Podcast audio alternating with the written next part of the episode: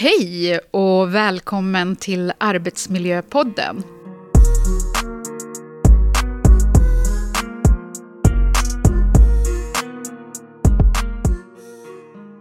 Idag ska vi prata semester eftersom sommaren närmar sig med stormsteg och det här med semester det kan väcka oerhört många funderingar. Och det är ju inte bara vad jag ska göra med alla mina dagar. Visste ni att den första semesterlagen den kom redan 1938. Och det här var ju någonting revolutionerande, att man skulle få 12 dagars betald semester. Sveriges regering blev oerhört konfunderade och också väldigt oroliga över vad skulle våra tjänstemän och arbetare göra med dessa eoner av ledig tid. Jo, då vände man sig till Svenska turistföreningen och bad dem ta fram en liten pamflett med 12 punkter hur jag ska kunna tillbringa min semester på bästa möjliga tid. Och sammantaget kan man då konstatera, för att man då inte skulle hamna i någon form av ohälsosamt leverne. Ja, vad, vad kom de fram till då? Jo, det de rekommenderade det var helt enkelt att eh, cykla är bra, vara ute på landet är bra och framförallt campa är väldigt bra. Så eh, vi har utvecklats lite sedan dess. Vi har ju fått en semesterlag som kom 77-78 och eh, till våran hjälp till eh, hur vi ska kunna prata semester så har jag bjudit in en superstar inom lön och pension och semesterfrågor. Hej och välkommen Lindelin! Hej! Tack så mycket. Ja, jag tänkte att du ska få presentera dig själv. Förutom att du, ja, du bor ju inte på den här sidan av eh, Sveriges land, höll jag på att säga. Vi sitter ju i Stockholm just nu. Jag kommer från Lysekil. Ja, du sa bästsidan tidigare. Ja, men jag tänkte jag kan inte med att säga det. men du, eh, du utbildar också på SRF-konsulterna och driver ett antal bolag. Kan du inte presentera vad du gör för någonting? Och hur du gled in på det här spåret? Ja, eh, till vardags så driver jag en redovisningsbyrå, eh, LD Konsult och redovisning i Lysekil. Och, eh, där får man vara lite som en sån allmänläkare, man får kunna lite om mycket. För det går liksom kanske inte att nischa sig på samma sätt som man kan göra i Stockholm. Eh, vi gör ju allt från uppstart till eh, årsredovisningar och allt däremellan. Och eh, man behöver ju nischa sig lite grann i alla fall tycker jag och då har ju lön blivit en grej som jag gör. Eh, så att lön och pension, det är där eh, som jag eh, brinner för framför allt. Och då blir det ju mycket kurser. Jag har ju förmånen att undervisa både på YH och privata tillställningar och här då på SRF i Stockholm också. Och nu är jag inbjuden hos dig. Så ja. jag är jätteglad att jag får sprida lite kunskap. Och du har ju väldigt mycket bra kunskap att sprida. För jag tänkte, för det första, vad ska en arbetsgivare tänka på så här inför sommaren och semestrarna kanske redan är, är satta, får man ju hoppas. Ja, det får man verkligen hoppas. En arbetsgivare skulle säga till två månader innan, senast. Så är det så att man vill skicka en anställd på semester 15 juni, då ska ju den anställda få ta reda på det den 15 augusti, eller april senast. Liksom. Mm. Och vi säger nu, vi har ju lite olika scenarier, men vi kan väl börja med att titta på semesterlagen. Vad är det för en lag? Gäller den alla eller gäller den bara anställda? Den gäller alla, eh, men den är ju dispositiv. Ja. Det vill säga förhandlingsbar. Just det. Och som jag brukar uttrycka, man kan deala och wheela lite med den. Och när du säger förhandlingsbar då, är det bara genom de fackliga som man kan eh, förhandla de olika paragraferna? Eller kan man göra det med en medarbetare också? Jag som arbetsgivare, att jag kommer överens med min medarbetare att eh, nu kan du få ta semester kanske andra veckor än denna, men istället så får du en vecka extra. Eller bara om man har kollektivavtal? Mm, nej, man kan göra individuella överenskommelser. Det går jättebra. Men det ska ju vara till den anställdes fördel. Så att, eh, är det så att man har eh, råkat skriva på ett anställningsavtal där det bara står att man har 20 bruttosemesterdagar, då är inte det giltigt. Så det är alltid till den anställdes fördel. Just det. Vi pratade ju lite grann eh, innan den här sittningen. Och då berättade ju du att ja, men, det finns ju alltid frågor som dyker upp. Och jag tänkte vi ska dyka ner lite grann. Vi ska prata tid, vi ska prata pengar. Och, och pengar är väl kanske det som eh, är viktigast. För vi vill ju ha lite pengar på vår semester. Men ibland så hör ju jag, jag får ju ibland ärenden där medarbetare inte har tagit ut sin semester. Ska vi ta och dyka ner lite grann i den frågan? Och vad betyder det egentligen? Eh, jag tänkte att vi, vi tar det från början för att skilja lite grann på... För det är ganska många som blandar ihop just semestertid och semesterpengar. Alla har ju rätt till ledig semestertid, men alla kanske inte har jobbat så pass mycket eller har så pass lång anställningstid att de har förtjänat några semesterpengar, så att säga, om vi använder det uttrycket. Man får ju dubbelkolla vad är det man får och hur mycket, hur mycket glasspengar har man att spendera på sin lediga semestertid? Och arbetsgivaren är ju skyldig att se till att man tar ut sin lediga tid. Och då är det, finns det fyra veckors betald semester så är det ju fyra veckor betalt som ska ut. Man har ju rätt att få det sammanhängande någon gång under juni, juli eller augusti. Det är gamla industrisemestern egentligen. Egentligen, ja. ja. Men det finns ju kollektivavtal som säger att nej men vi börjar lite tidigare än den här perioden eller lite senare. Eller nej, vi har det på vintern i mm. vårt kollektivavtal. Men senast sista mars om man då går på enligt semesterlagen så ska ju de här 20 dagarna, bruttodagarna, vara ut, ute helt enkelt. När börjar ett semesterår? För det behöver vi också definiera. Är det första januari eller är det i slutet på mars? Eller hur funkar det? Är det något jag kan välja själv som arbetsgivare? Du kan välja själv. Men om du inte har valt någonting, då är det första april till sista mars. Men rent eh, krasst så hade du kunnat välja sådär, nej men jag vill ha 7 maj till 6 maj nästa år. Eh, om man då har ett intjänandeår och sen ett semesterår eller uttagsår. Har man sammanfallande så måste man ha kalenderår 1 januari till sista december. Men, men har man inte sagt någonting alls, om man inte har bestämt något, då är det 1 april till sista mars som gäller. Okej. Du, eh, jag vet att eh, ibland så kommer ju den här frågan att eh, jag får spara mina dagar. Och eh, ibland så betalas de här dagarna ut istället för att man har tagit ut dem. Får man göra så egentligen? Inte hur som helst. Det finns ju regler såklart. Eh, och då får man ju kika i semesterlagen vad det är som gäller. Men de här, om man nu förutsätter att man har fem veckors betald semester. Eh, jag vill nästan inte säga 25 dagar för det finns ju de som har kvot eller faktor på sin semester. Så jag säger fem veckors betald semester. Fyra veckor ska ju gå ut i, i betald semester innan sista mars om man har det brytet. Och en vecka får du lov att spara.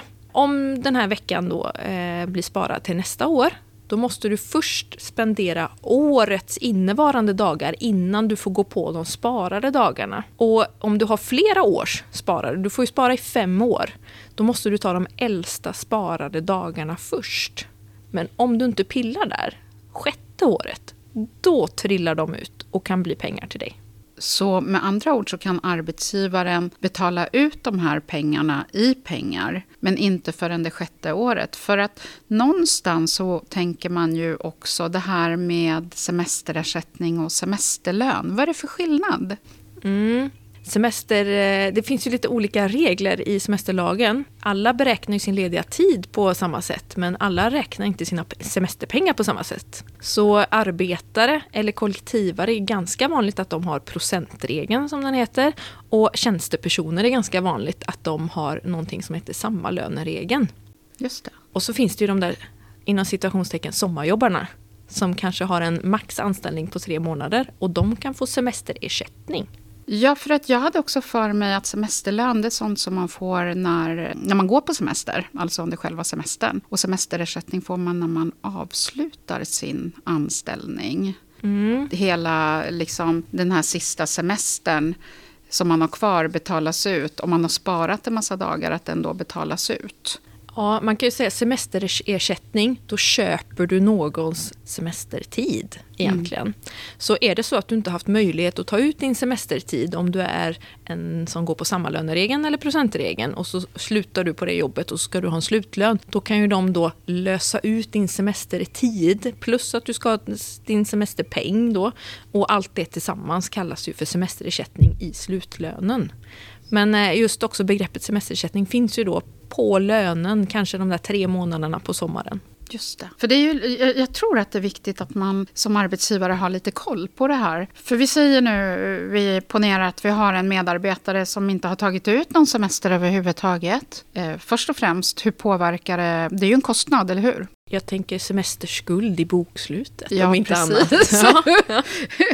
Och sen tänker ju jag eh, som jobbar med arbetsmiljö, vad händer med medarbetaren som inte får ta ut sin semester? Det är ju inte heller så sunt. Arbetsmiljölagen kräver ju att man ska försöka vara lite om sig och kring sig där och minimera riskerna för sjukdom. Men det, här, det är ju mera saker med semester. Vi vet ju, alltså ibland så får ju vi till oss, jag tror väl att du också får en massa frågeställningar från dina kunder. Vad är den vanligaste frågeställningen från dina kunder när det kommer till semester? Måste jag ta ut semester? Kan jag inte bara få pengarna? Frågar de. Jag bara, nej, så vill jag inte göra. Men jag brukar ju faktiskt använda, det är ju ett tips för den som vill liksom befästa så här att jo men så här är det faktiskt. Jag brukar ju faktiskt använda funktionen copy-paste i semesterlagen. Så att när jag svarar på en fråga att jag hittar belägg för det i semesterlagen att nej, men i den här paragrafen så står det faktiskt så här nu får du lyssna på mig. Eller lite så. Att man, ja. att man har lite belägg för det man säger. Att man finner stöd i, i lagtexten. Ja, kunna lagen lite grann och kolla i kollektivavtalet om det finns. För då finns det säkerligen avvikelser där. Absolut. Eh, men vi säger nu att vi har en medarbetare som har gjort det till ett system. Ja, första året så i kombination med semestern behöver man vabba. Vad gäller då? För det första så hoppas jag att det finns klara direktiv innan man går på semester. Vad händer om jag behöver vabba? Vem hör jag av mig till? Ringer jag? Mejlar jag? Eller vad gör jag? Eh, måste jag sjukanmäla barnet någonstans i alla fall? Eller och vad gör jag om jag själv blir sjuk? Just det. Behövs det läkarintyg från dag ett på mig själv just under semesterperioden? Eller vad är det som gäller? Så det ska ju vara klart liksom, innan man går på semester. Nu pratar vi policies och rutiner här som ska mm. finnas på företaget. Ja, verkligen. Så det är inte bara någon praxis. Ah, I och för sig, den gäller ju den också, ja, eh, om man nu ska hårdra det. Men vi säger nu att eh, vi har satt det här i lite system då. Vi har då en medarbetare ja, men kommer eh, år två och har vab samtidigt. År tre också vab. Alltid vecka två på semestern. Liksom. Ja, precis. Ja. Ja. Eh, för, för man ju börja fundera. Ja. Mm. Och jag tänker så här, för jag vet att du ställde ju frågan till mig tidigare. Och, och, det är jag som ska fråga dig frågor. Men den här frågan kan ju jag ändå svara på. Ja, precis. Men vi kanske kan komma fram till något gemensamt. Till något gemensamt, ja. precis. Jag, jag säger ju alltid att det är viktigt att undersöka bakomliggande orsaker och se till att man dokumenterar det här. Men jag tänker ju att ni som sitter med exempelvis lönespecifikationer och sådana saker, ni ser ju också Eh, systematiken exempelvis. Hur tydlig är den? Den är väldigt tydlig. Man ser om man letar. Ja. Eh, eller att där är det alltid övertid eller jaha, där är det alltid måndagssjuk kanske. Eller här är alltid någon som vabbar andra veckan på semestern. Eller är sjuk alltid tredje veckan. Och sen tar de alltid ut en vecka på höstlovet, vecka 44. Ja, just hur, hur det. kommer det sig? Här finns det ja. någon som har tänkt till. Liksom. Men man kan ju faktiskt inte räkna med att få vecka 44 för att eh, man kan ju räkna med sammanhängande någon gång under juni, juli, augusti. Man kan ju önska då 28, 29, 30, 31 för det passar. Men man får 22, 23, 24 istället. Eh, och så tänker man att nu tar jag min sista semestervecka eller den där veckan som jag sparar när jag vabbade och så tar jag den vecka 44 och en på jullovet för att man kanske befinner sig i den situationen av skolbarn. Eh, och det är inte säkert att man får det, för den förläggningen av semestern ska ju ske i samråd med arbetsgivaren. Just. Så där kan ju arbetsgivaren säga, nej, vecka 48 är käckt för mig. Ta du vecka 48 istället Linn. Ja, det finns ju en ganska rolig dom om eh, en person som eh, drog iväg till Seychellerna den, den, är spännande. den är spännande. Ja. Den Arbetsdomstolen dom som heter 2020 med nummer 109 och i det här fallet var det faktiskt en, jag har döpt honom till Kalle, eh, han heter säkerligen någonting annat men jag kommer inte ihåg namnet från. Han får, han får heta Kalle. Han får heta Kalle. Ja, och som hade då eh, dängt in en semesteransökan till, till sin arbetsgivare, det var ju vecka då 43 och 44 och det är ju under hösten, det är ju höstlovet eh, för att kunna åka iväg på en härlig och skön skön semester. Och grejen var ju också den att han hade ju redan köpt den här resan, det var en han i det här fallet, eh, för en billig peng. Så det var ju inte det att han köpte resan efter att han ansökte om semester. Lite fel ordning där. Ja, totalt fel ordning, också väldigt kort tid. Det var några få veckor bara innan själva avresan skulle ske. Så att arbetsgivaren hamnade ju då i en väldigt tuff situation. Men gav honom då semester vecka 43 men inte vecka 44 och så drog Kalle iväg då ändå till Seychellerna och när han var där så sjukskrev han sig. Och eh, arbetsgivaren fick inte tag i honom utan han var ju eh, sjuk helt enkelt och det här ansåg ju inte arbetsgivaren var okej okay, utan valde att avskeda då Kalle. Och då, nu kanske några av er som lyssnar på det här studsar till. Men eh, det är ju ändå så här att eh, vad, ja, då är det socialförsäkringsbalken som också säger att arbetstagaren ska finnas tillgänglig för arbetsgivaren även under sjukdom. I det här fallet så valde han att inte vara anträffbar vecka 44 och sen det anmärkningsvärda var ju att vecka 45 kom han tillbaka till jobbet brun och snygg och ja, pigg som attan kan man ju konstatera. Ja. Fräsch och pigg. Fräsch och pigg ja. och så. Ja, och facket ifrågasatte avskedandet naturligtvis. Och de hänvisade också till att han hade känt sig kränkt. Och det var när han då inte fick sin eh, beviljade semester så upplevde han det som en förlängning på den här kränkande särbehandlingen som han hade varit utsatt för i ja, en herrans massa år. Eh, och det var det som gjorde att han blev helt arbetsoförmögen. Och arbetsgivaren de, de menade ju på att nej, det där köper vi inte riktigt så vi tror ändå att det är korrekt. Och vi har rutiner för hur vi hanterar den här typen av frågor. Och det var också det som AD kom fram till faktiskt. Så de började att pröva om polisen i det här fallet Mm.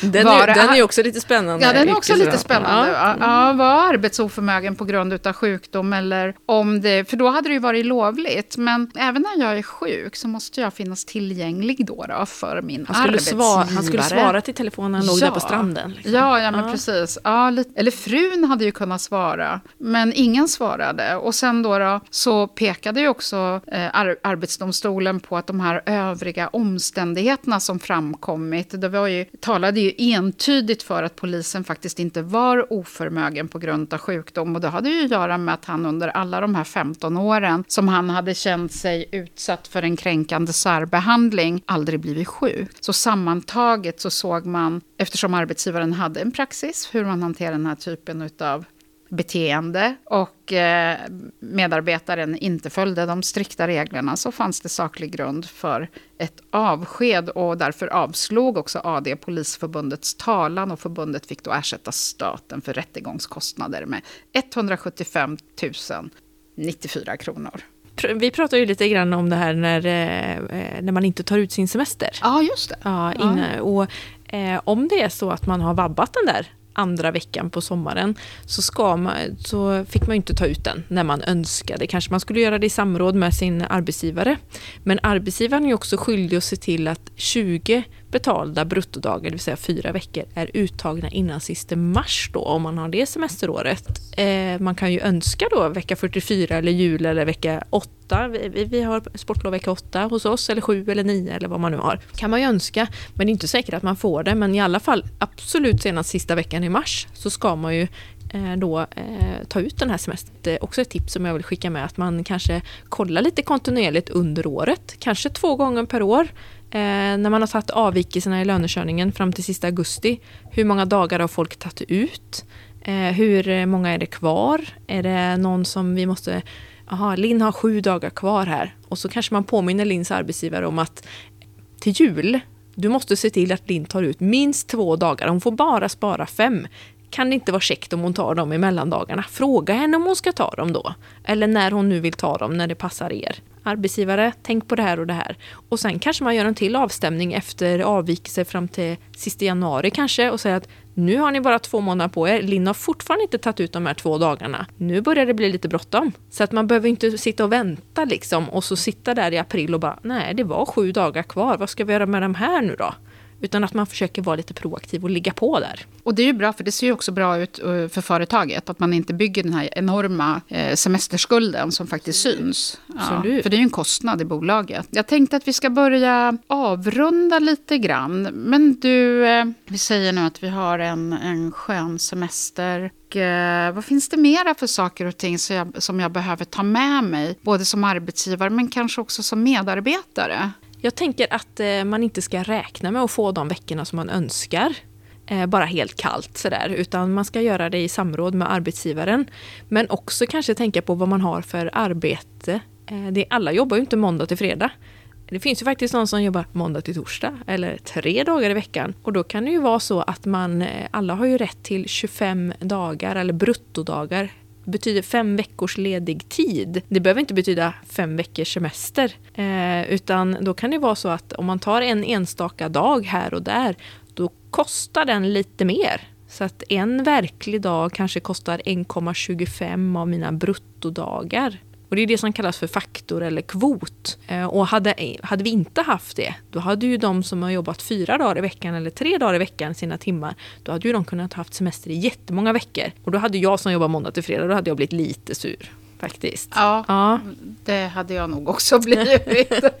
så att, ja. det är väl eh, tänka och ta med sig att vad står det på mitt lönebesked? Står det bruttosemesterdagar eller står det netto? Nettosemesterdagar. Så man har koll på, för den som då kanske jobbar fyra dagar i veckan har ju 20 nettosemesterdagar. Det är ju fem veckor. Men för mig som jobbar måndag till fredag så har ju jag 25 nettosemesterdagar för att få fem veckor. Vi är ju lediga i fem veckor båda två, men de kostar lite olika mycket när vi tar ut dem. Men i slutändan har vi lika mycket glasspengar i plånboken fredag vecka fem. Ja, men det låter ju faktiskt väldigt bra. Mm. Linn, eh, det här med semester det är ju en jättestor fråga. Semestern omfattar ju alla. Eh, allt från ägare av bolag mm. till eh, anställda som allmän visstidsanställda och så. Jag tänker också, vi pratar ju förskottssemester. För jag tycker ändå att vi behöver nämna lite grann kring det. Ja. Och hur gör jag då som... Vi säger att jag har jobbat på ett företag i två år och sen så blir jag headhuntad. Då hoppas jag att du förhandlar med din nya arbetsgivare och säger att nu ska ni betala min förskottsskuld. Ja. För det första. Men det är ju så att när man säger ja tack till att eh, ta ut förskottsdagar. Man behöver inte säga ja tack, men man har möjlighet. Så att man liksom byter ut sina obetalda semesterdagar till förskottsdagar. Och om jag då väljer att säga ja tack till förskottsdagarna, då uppstår ju en förskottsskuld till min arbetsgivare. Den eh, stiger inte med åren, utan den är konstant. Så är den 10 000 spänn så är den 10 000. Däremot när jag slutar där då, då ska det ut en semesterersättning för, på min slutlön. Och har arbetsgivaren lite otur så har ju den här arbetstagaren sett till att ta ut sin semester hela det året när man ska sluta och så blir det augusti och de säger upp sig. Och så finns det nästan inga semesterdagar kvar, det finns inga sparade, utan det enda som finns är de intjänade dagarna från 1 april till augusti då. Den summan som de är värda, det är ju inte säkert att det täcker de där förskottsskuldpengarna. Så arbetsgivaren har ju förhoppningsvis tänkt till, så när an den anställde säger ja tack till förskottsdagarna så har de skrivit in i avtalet att man får reglera även mot andra pengar. Annars så får man faktiskt bara reglera förskottsskulden mot semesterpengar. Och det är nog en ganska vanlig missuppfattning att då tar man det på sista bruttolönen, men det kan man inte göra, utan det är bara mot andra semesterpengar. Så det betyder med andra ord att kvittningslagen och sådana saker? Absolut, det är inte bara bara att göra lön. Nej, verkligen inte. Ja, men det här var ju lite spännande, för det här tror inte jag att så många känner till. Ja, men det är nog ganska lätt att bara säga, äh, vi drar det på sista lönen. Och så råkar det nalla lite på den sista bruttolönen, fast får ju inte lov att göra det, utan det är ju bara värdet av de där intjänade dagarna som man kan ta då. Och då kan det ju vara så oturligt då att man inte kan få tillbaka alla pengar på förskottskulden som arbetsgivare. Så hur skulle du råda arbetsgivare att exempelvis eh, skriva i ett eh, anställningsavtal eller eh, ska de ha det i en policy vad som gäller? Vad skulle du säga vore det bästa? När det kommer just till förskottssemester. Det är en luring det här. Ja, det är en liten luring. Eh, men jag skulle nog säga att ha ett separat avtal som säger här, eh, ja, kan formulera lite hur du vill, men eh, sådär, härmed blir du erbjuden att ta förskottsdagar och då är det de här förutsättningarna som gäller. Och så om den anställde då säger ja tack, så får de ju signera det här avtalet kanske då. Och så har man ju det som underlag då, så att man kan kvitta det mm. när de väl kanske då slutar. Just det. Så ha det på skrift och inte bara muntligt eller i en allmän policy, för alla tackar ju inte ja till förskottsdagar. Så alla är ju inte berörda av det på det sättet. Ett separat avtal. Ja, bra. Mm. ska vi börja avrunda? Vi skulle kunna prata om det här jätte, jättelänge. Vi kan sitta här i flera dagar. Ja, ja. men eh, det får vi inte, för att snart blir vi utslängda ifrån lokalerna. För vi sitter uppe hos SRF, ska vi ju säga. För du har ju hållit en utbildning här idag. Vad var det för utbildning? Det var lönehantering 4. Ah, ja, men då är de lite eh, stardust över dem. Så då har de fått lite allt möjligt, smått och gott där. Ja. ja. Så att innan vi avrundar, fem tips till arbetsgivare innan semestern och till medarbetare. Du får blanda, hej vilt. Vad skulle mm. du säga man ska tänka på? Planering. Planering. Planering. Börja i god tid. Bokför semesterskulden varje månad. Ha koll på den. Så att eh, planera och ha koll på semesterskulden. Eh, och följ upp under hösten och även kanske då innan några månader. Är det någon som har något kvar? Och om vi nu pratar tips till arbetsgivare så är det så att man kanske driver någon form av eh, produktion och så vet man att ja, men vecka 49, då har jag inga ordrar som kommer. Men jag kanske inte vill berätta det för mina anställda. Så nu påminner jag dem att ni har lite semesterdagar att ta ut eller här har ni lite obetald semester. Ska ni inte ta dem just den där veckan? Då blir jag ju en snäll arbetsgivare plus att jag slipper erkänna att jag inte har några ordrar. det var ett ganska bra tips. Och, och, om vi tänker medarbetare, vad ska de tänka? Det första jag tänker på är att läsa igenom policys och rutiner innan ni drar på semester. Liksom, så att mm, ni vet vad som verkligen. gäller. Verkligen. Eh, men var ute i god tid med ditt semesterönskemål. Då är det ju mer chans att du får det som du önskar. Eh, och kanske om man inte får det man önskar, att man kan komma med någon konstruktiv kritik till arbetsgivaren. De kanske är insnöade på gamla rutiner, att det ska vara tidig och sen semester. kanske finns andra lösningar som man kan bidra med så att båda kan mötas lite på mitten. Ja. Du, jag kom att tänka på en grej. Eh, den måste vi ju faktiskt ändå beröra innan vi avrundar. Nu har jag sagt det två gånger här. Men vi har ju en situation, även om det är postpandemi, så vet vi att till exempel regionerna är oerhört belastade. Kan en arbetsgivare bara dra tillbaka en semester hur som helst? Inte hur som helst, det måste ju förhandlas. Det måste förhandlas, precis. Mm. Men de kan gå snabbt förhandlingarna? Mm. Sen är det ju, det ska ju vara lite, höll jag på att säga, force majeure över det hela. Så det är ju inte, är det dålig planering, då funkar inte ens förhandlingen. Nej. Det, det är ju lite så. Men det, det, ska mycket till för att de ska göra det. Men vården är ju speciellt utsatt. Den är lite speciell. Mm. Mm. Tack snälla Linn för att du ville komma hit. Tack så mycket för att jag fick komma. På väg tillbaka till Lysekil nu eller? Nej men det är lönehantering fyra imorgon igen.